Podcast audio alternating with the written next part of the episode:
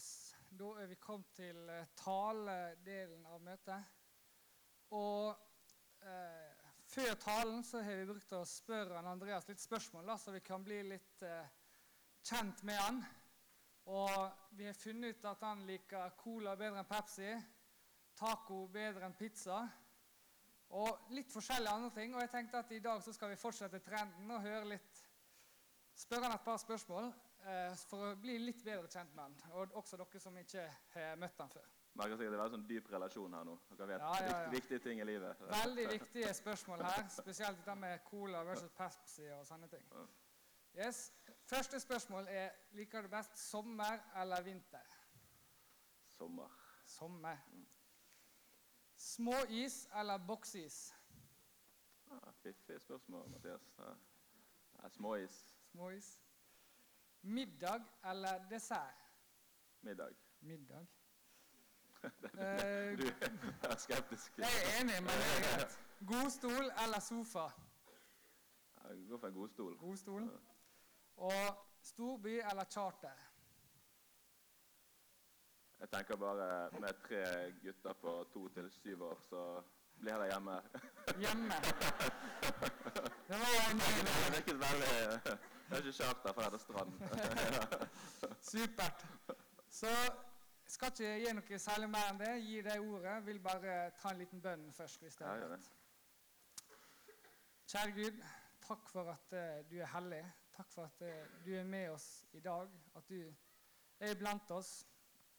Jeg ber deg for eh, det han Andreas skal dele med oss, at du må vise at du er i det han sier, at du er med han i det han vil formidle til oss. Amen. Takk skal du ha. Skal bare bruke den, kanskje.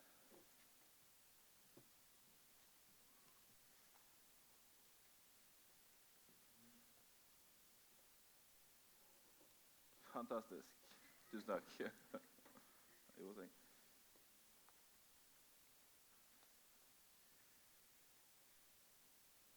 Ja, bare for å si litt, eh, litt mer om hvem jeg er, bortsett fra charter og de tingene der, så um, heter jeg altså Andreas, jobber som daglig leder i IMF Ung, eller det som før het landsungdomssekretær. Så dere skjønner sikkert hvorfor en endret den tittelen. For det var ikke så lett å kommunisere hva en holdt på med. Men jeg er altså leder for barnearbeidet i IMF, og er her på Pitstop i helgen, som er et samarbeid mellom IMF og NLM. Og det er veldig kjekt å være her sammen med dere eh, på et søndagsmøte sammen med forsamlingen Misjonssalen. Jeg har vært gift i ti år, bor på Vike Øygarden litt vest for Bergen. Kommer opprinnelig fra Askøy. Og så har vi da tre gutter på ja, Samuel på syv, Peter Olai på fem og Jonas på to år. Så det tar en del av tiden min, og sånn må det nesten være. Eh, yes. Tror jeg skal bare be en bønn før eh, jeg går. Herre, takk for at eh, vi får lov til å komme sammen, dele måltidet, være sammen om deg.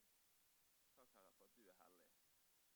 Du er ikke som oss. Du er eh, annerledes, spesiell. Eh, takk for at du ikke er som oss, men du, eh, du kommer til oss i din hellighet, i din eh, spesielle kjærlighet, den som kan frelse og føre oss hjem til deg, Herre. Jeg skal be for dette, denne talen, at du må tale til oss. Herre, det er ikke så mye penger hvis jeg eh, kommer med masse fine ord hvis ikke du er her. Takk for dine løfter om at du er, vil være til stede, at du vil tale. Jeg skal be om at du kan åpne hjertene våre, så ordet kan nå inn og bli der og bære frukt, Jesus.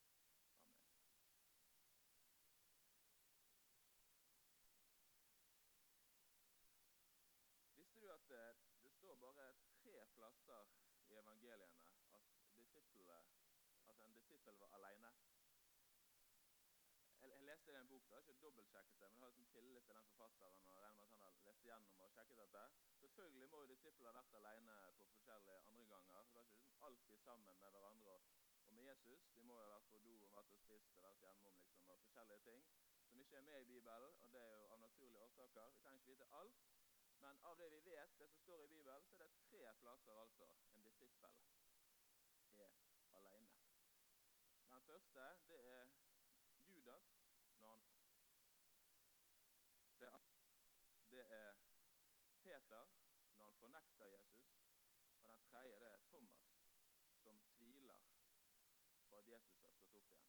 Som ikke var med de andre når Jesus kom. Altså Tre hendelser, tre historier der en disippel var alene, ikke med de andre. Og tre ganske negative konsekvenser der hvor gå helt vekk fra Jesus. En får komme tilbake etter å fornektes egentlig på det groveste.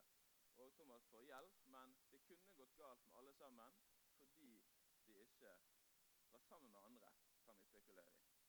Og Jesus' sin modell det er jo litt sånn at han hadde sine stormøter der han var med veldig mange. Men ofte så trakk han seg unna.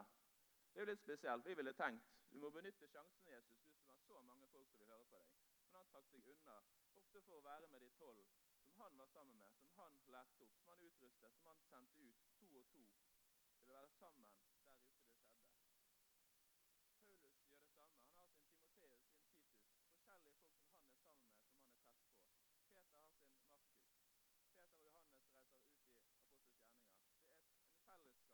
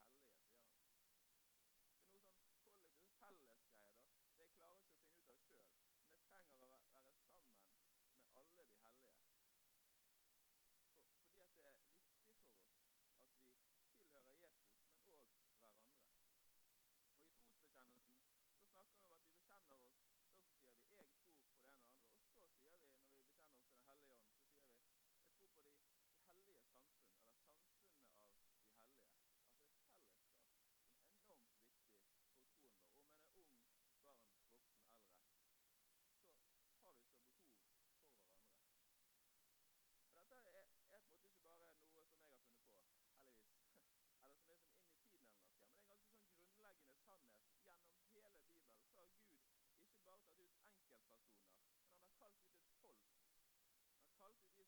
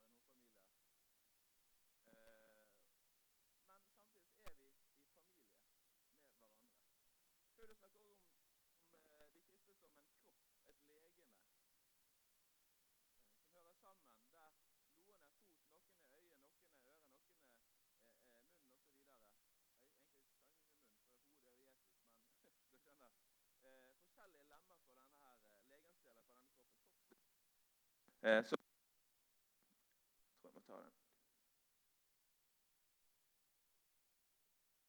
Tror den funker bedre? Ja. Fantastisk. Men der Paulus advarer mot både å være håndmodig og si til at nei, jeg som er armen, jeg trenger ikke foten. Eller heller ikke skal være mismodig og si ja, fordi jeg ikke er fot, så hører jeg ikke til på kroppen. Fordi at alle får høre til om Jesus og har hver sin del av denne kroppen. Dette er store å være og tilhøre, å være sammen med alle de hellige. Det som samler oss i dag På bedehuset hjemme der har vi sånn bedehus foreløpig som er oppdelt med, av forskjellige organisasjoner. og Der sier en gjerne det som samler oss i dag, er NLM. sier de. Eller det som samler oss i dag, er IMF. Eller det som samler oss i dag, det er Indre Sjømannsmisjon. Det er ofte tenkt nei, det som samler oss i dag, det er Jesus. For det er han vi er sammen om. Så har vi disse ulike virkegreinene som vi får lov til å tjene i og nå ut med evangeliet i. Vi er sammen om Jesus. Og i åpenbaringen, når Johannes får sine visjoner om himmelen, der Jesus som er lammet sitter midt på tronen, og du har alle disse her rundt der, da er ikke det bare sånn én og én rundt. Men det er en stor gjeng av alle folkeslag, tungemål, som er sammen med hverandre, sammen om Jesus. Det blir jo bare spekulasjoner, på en måte, det med Judas, Peter og Thomas. Hva hadde skjedd hvis eh, de ikke var aleine? Eh, men jeg skal spekulere litt nå. Og Jeg tenkt litt på dette her, i og med at det er tre tilfeller vi leser om evangeliene. Og det er så store konsekvenser det får for disse tre, eh, som gjør at eh, når de var aleine Judas, det virker som at han Det er en krevende historie på mange måter som jeg ikke kan gå inn og svare på nå. Men det virker som at han, der har det skjedd en utvikling over tid.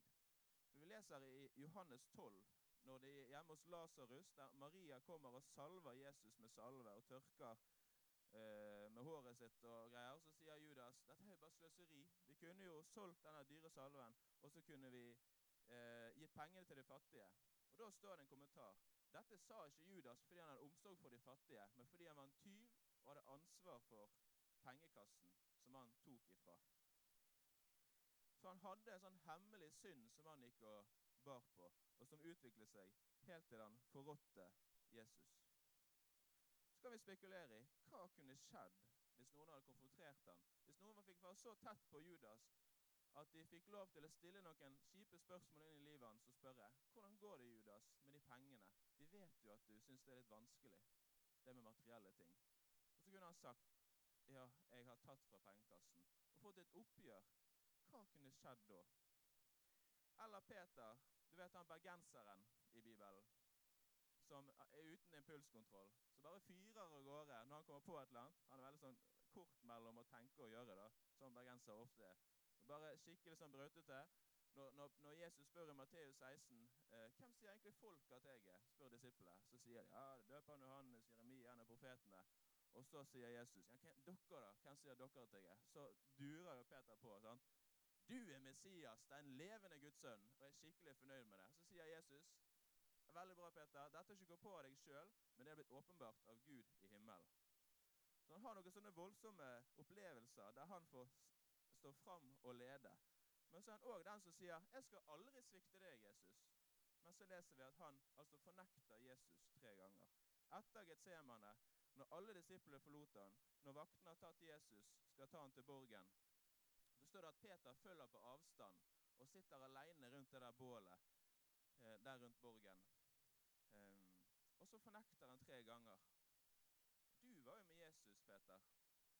Dialekten din Du er jo bergenser. Det er jo, det er jo der Jesus er fra. Dialekten din avslører deg. Vi vet at du var med Jesus, Peter. Og så banner han på at ikke han kjenner Jesus. Han som har sagt 'Du er Messias, den levende Guds sønn'. Han sagt 'Jeg skal aldri svikte deg, Jesus'. Han fornekter Jesus på det groveste. Hva kunne skjedd hvis han hadde en med seg som kom fra en annen landsdel, som var litt mer sindig, som sa 'Peter, ta ro deg ned litt nå. Du må ikke svikte Jesus nå som det gjelder som mest'. Jeg skal gi deg mot, Peter, til å stå opp for det du tror på. Og så kunne han heller fått bekjent seg til Jesus. Eller Thomas, da, som hadde andre planer når Jesus kom og besøkte disiplene etter han hadde stått opp igjen. Der de fikk oppleve Vi har sett Herren, sa de til Thomas. Men han sier jeg klarer ikke å tro hvis jeg ikke får se og ta og Han har en sånn, slags ærlig tvil. Han stiller spørsmål, og det er lurt å gjøre for oss òg. Vi må ha gode grunner for å tro. Men det står at Thomas var ikke med de andre da Jesus kom. Han var ikke det stedet der Jesus gir løfter der to eller tre samlet i mitt navn. Der er jeg midt iblant de. Og så var han på fotballkamp. Eller et eller annet annet. Han var ikke der som Jesus var. Der han er nær. De hellige i Kristus, som hellige, da, som troende på Jesus, som hellige, utskilt, et annerledes folk, så hører vi sammen med hverandre og trenger hverandre. Disipler kan ikke være alene. Så så bra dere er her da, på møte i misjonssal. Så bra en har vært på pitstop. Så bra at søndagsskolen får lov til å samles. Jeg burde egentlig vært der inne. Det er jo der det skjer, blant barn og unge. Men så bra at vi er sammen her. Men så spør jeg meg sjøl kunne disiplene fått hjelp på et møte? Og Det handler ikke om at jeg ikke er glad i møter, eller glad for å være her sammen med dere. Men jeg tenkte litt på det. Kunne disiplene fått hjelp av å vært på et møte på et bedehus hjemme hos oss, f.eks.? Har det vært naturlig for Judas å bli konfrontert av noen andre? Der noen hadde sagt 'Jeg vet sliter sånn med de penger, pengeskjærheten. Skal vi snakke om det?' Hadde det vært naturlig å gjort det? Hadde det vært rom for å kunne komme så tett på hverandre? Hadde det vært naturlig for Peter å kunne bekjenne for noen 'Vet du hva, oh, jeg sliter sånn med det der å, stå opp for hva jeg tror på på jobben.' Kan du hjelpe meg? Kan du be for meg? Og så kunne jeg få komme tilbake neste gang og sagt, 'Vet du hva, når de spurte meg jeg vet at du er kristen, sa ja, jeg er kristen, og det må du bli òg. Og så kunne han stått opp for det som han trodde på, være, ha en trygg tro fordi han fikk hjelp av noen. Eller naturlig for Thomas å kunne stille noen spørsmål. Vet du hva, Jeg syns det er vanskelig med denne med Gud. Om han fins, og om Jesus har stått opp igjen. Der noen kunne gitt noen svar eller sagt jeg vet ikke helt hva jeg skal tenke om det, men jeg kan finne ut av det. Er det naturlig blant ungdommer, blant voksne, blant barn? Har vi det sånn blant oss at vi får hjelp til å leve med Gud?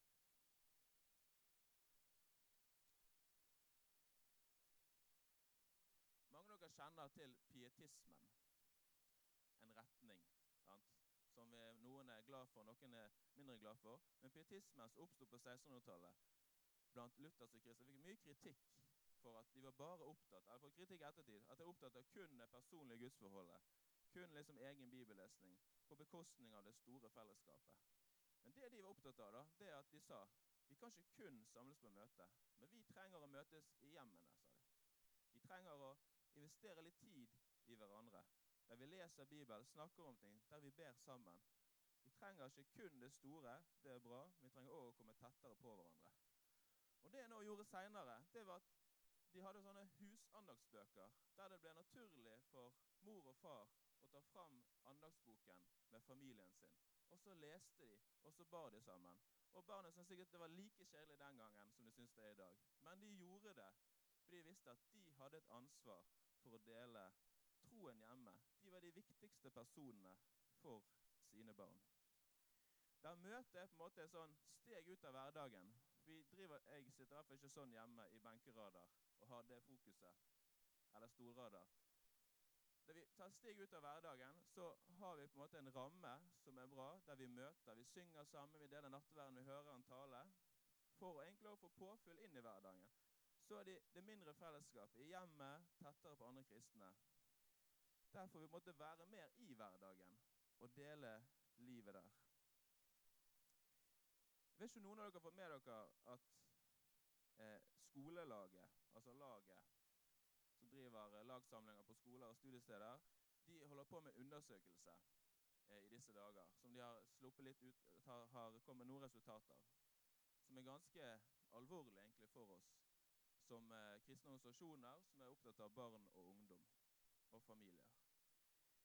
Eh, det omtales som en troskrise blant kristne studenter. Der de som går inn i studielivet, som har gått på, gjerne på barneungdomsarbeid, gått på søndagsskole, barnelag, eh, ja, på leir, forskjellige ting, og i, fra kristne hjem, de mister altså troen. da. Enten det, eller så tør de ikke bekjenne hva de tror på, inn i studietiden. Det er akkurat som at de har ikke en tro da, som takler livet sånn som det. Takler hverdagen. Og så er det veldig mange som detter vekk.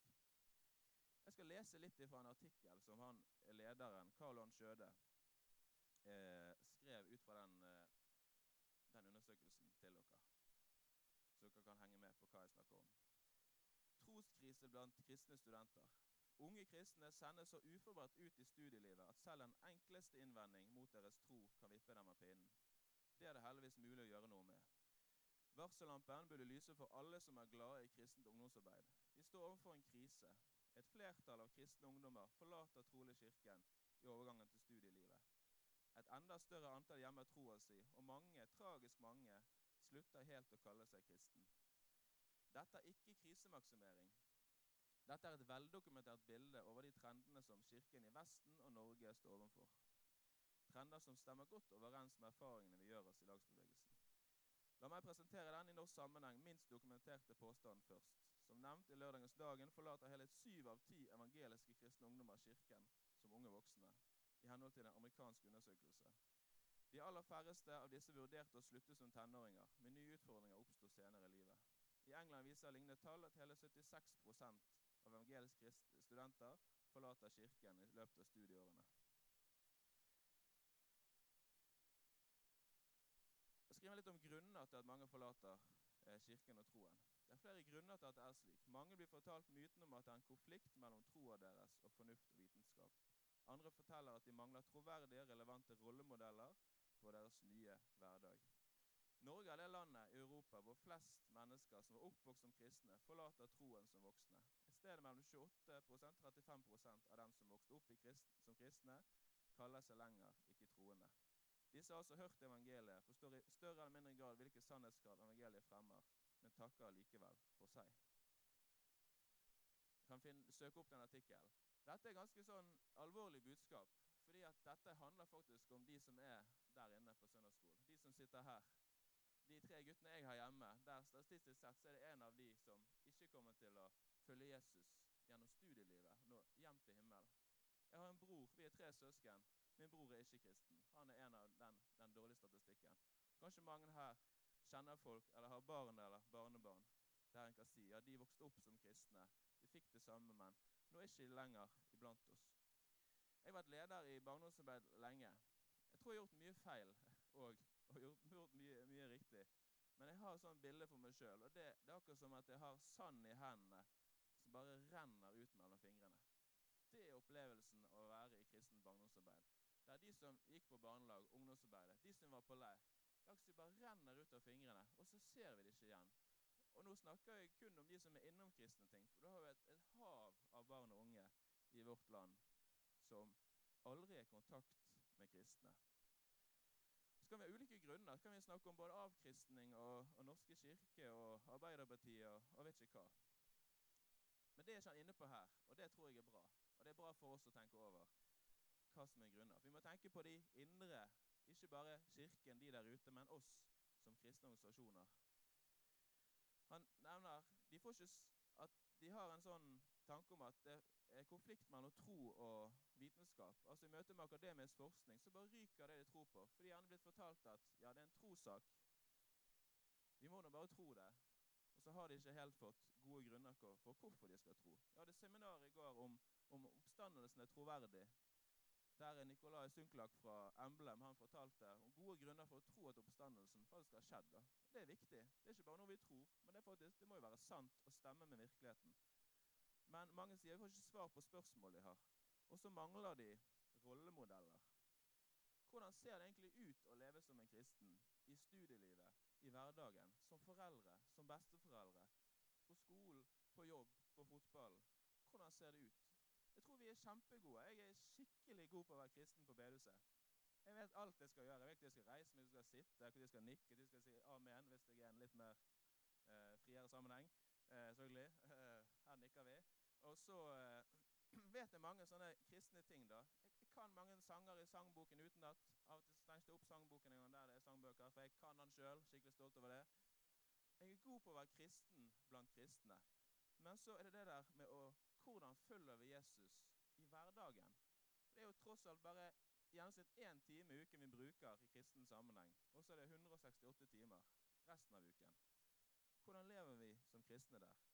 Det er det de, de unge høres litt eldre ut enn jeg er. Dere snakker om de unge, men ungdommen snakker om. De mangler noen som kan vise dem hvordan dette livet ser ut.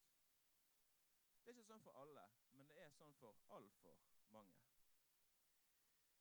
Hvordan kan vi svare på spørsmål? Hvordan kan vi være rollemodeller? Da trenger vi faktisk å være litt tettere på. Vi trenger å bruke litt tid sammen, faktisk. Kanskje det er noe i det som Jesus gjør, der han bruker masse tid med noen få. Nå er det klart, Jesus var en profesjonell kristen. på en måte. Han, det var livet hans å være blant disiplene. Sånn er ikke det for de fleste her inne som ikke har en jobb i kristen sammenheng.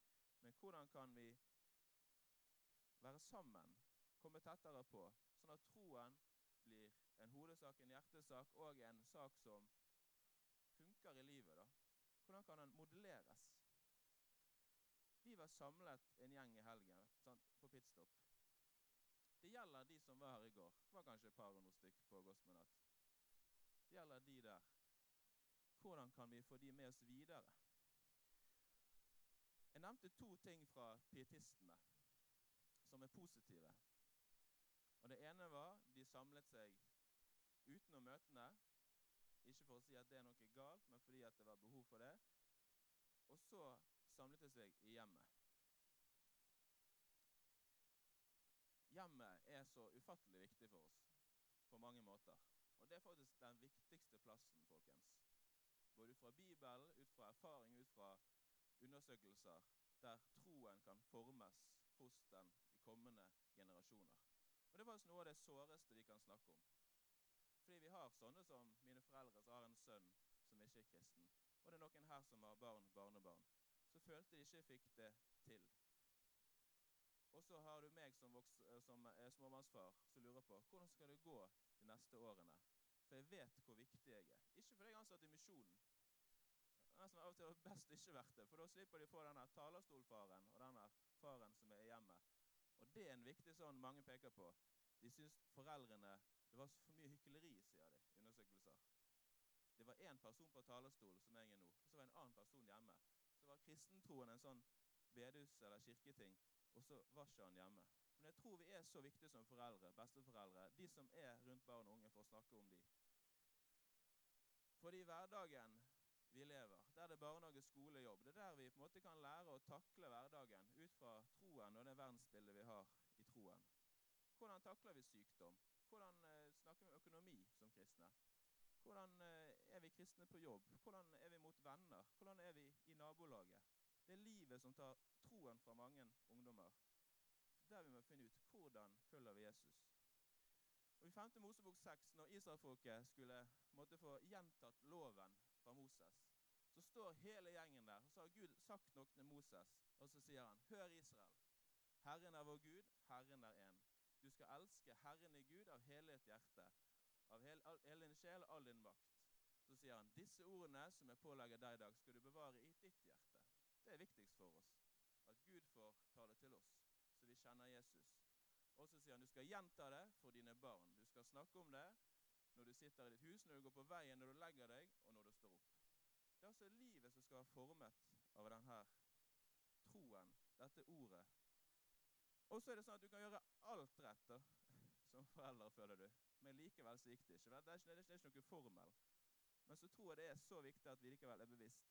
Uansett om vi er foreldre, besteforeldre, om vi er småbarnsfar eller hva vi måtte være, så har vi en viktig innflytelse så vi kan be Gud om at vi får bruke rett. Ofte handler det om at jeg må si til guttene mine hvis jeg har vært for streng, så må jeg si kan dere tilgi meg? At det viser at jeg er en person som trenger Jesus, ikke bare på talerstolen, men i, i livet. Og lære dem at, at vi er skikkelig kristne, og det betyr at vi trenger den Jesus som vi snakker om. Modellere troen i hverdagen. Det viktigste Misjonssal kan gjøre, Sunnmøre Indremisjon, NLM kan gjøre for barn og unge i denne forsamlingen, det er overbevist om, det er å hjelpe foreldre, besteforeldre, familien til å leve ut troen hjemme. For det er der en har størst påvirkning. Der kan vi dele gleder og sorger. Det er der troen blir formet i størst grad.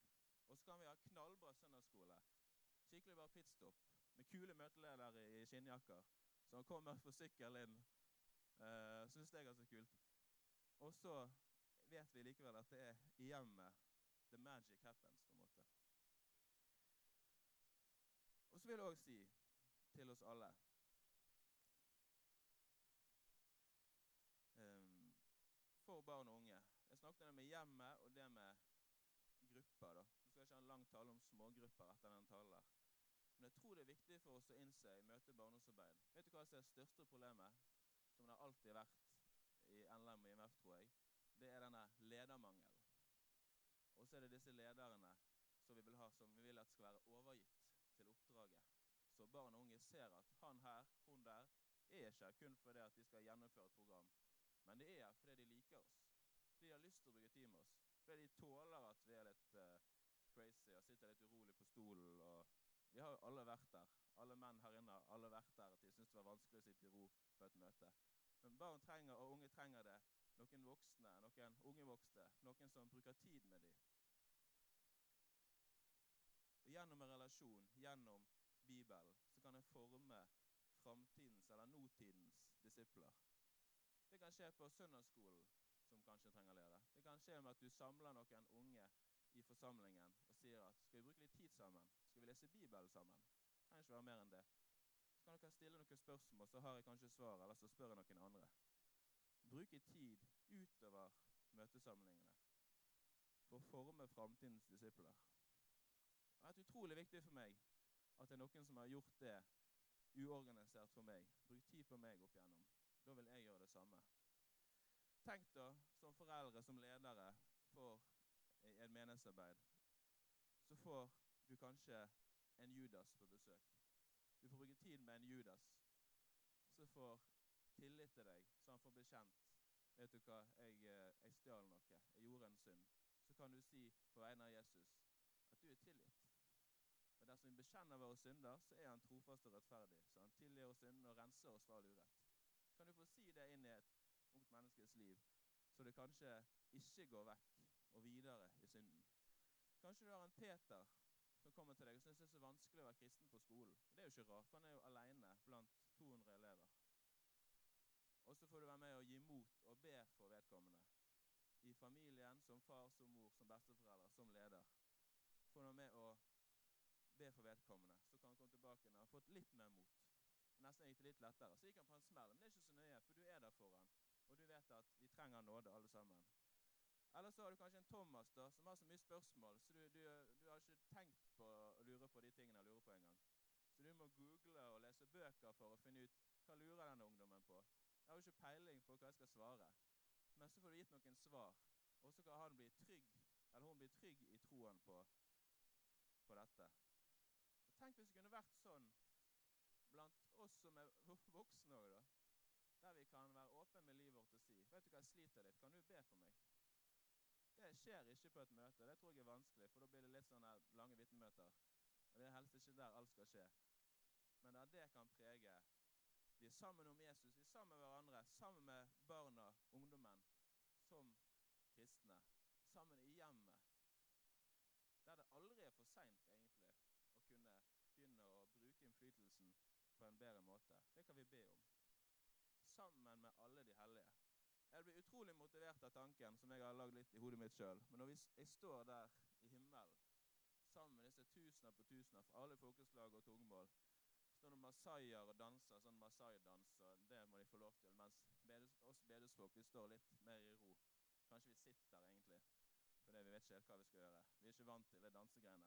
Og så er det forskjellige kulturer som møtes der framme.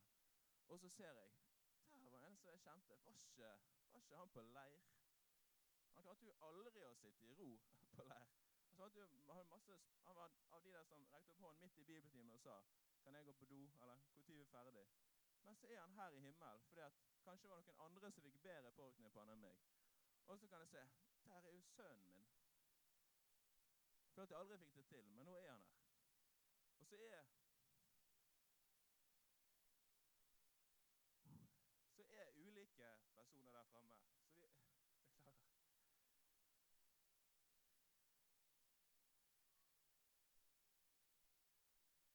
Ofte hjelper det hvis jeg ser vekk fra dere. Så er ulike folk der foran Jesus, som vi har fått betydd noe for. Er dere med på å bety noe? Så det kan se annerledes ut. Når laget undersøker om 20 år, så er det andre tall. Det er en annen framtid for barn og unge. Det er med å være sammen med alle de hellige, så vi kan være flere der framme. Skal vi be. Herre, takk for eh, den modellen du viser til oss. Du gjorde disipler, og du ber oss gjøre det samme for hverandre. Og Nå har jeg masse forskjellige tanker her som jeg har vært fram her. Ber om at ja, nøden fra ditt hjerte kan gripe tak i oss. Så det ikke handler om modeller, måter å gjøre ting på, men det handler om et hjerte som, som vil bruke tid på hverandre, på barn og unge, i familien. Så vi blir flere som står der framme. Hjelp oss å se Jesus mulighetene. Hjelp oss å tro på oss sjøl, at vi kan få bety noe. Og tro på deg, at du vil bruke oss, på tross av svikt, på tross av mangler på tross av det som ikke har gått så bra til nå.